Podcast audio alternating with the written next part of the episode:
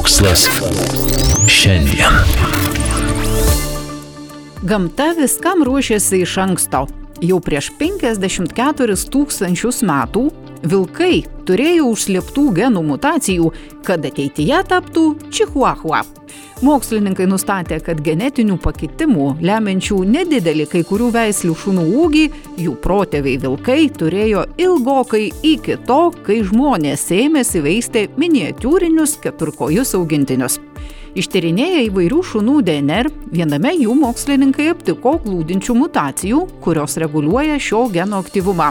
Tokią pat mutaciją mokslininkai rado ir ištyrinėję 54 tūkstančių metų senumo DNR pavyzdžius, paimtus iš suakmenėjusių Sibiro vilkų liekanų. Be to, jie turi ir visi kiti šiandien gyvenantys šunų giminaičiai, įskaitant šakalus ir kojotus.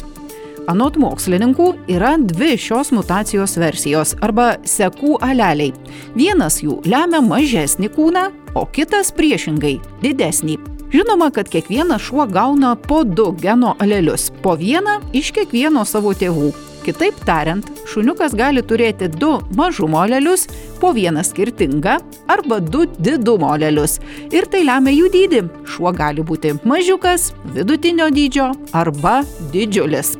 Dabar nustatyta, kad nors senovės vilkai nesinaudojo šiais aleliais, jie buvo užkoduoti jų DNR grandinėje. Tikėtina, kad tai lėmė evoliucijos eigoje atsiradimą tokių mažesnių vilkų giminaičių kaip šakalai ar kojotai.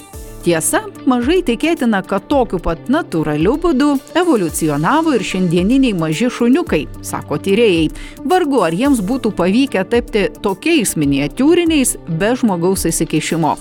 Beje, šiuo atveju tyrinėtas genas IGF-1 nėra vienintelis lemiantis šuns dydį. Tokių yra bent dvi dešimtys. Tačiau šis konkretus genas yra labai reikšmingas.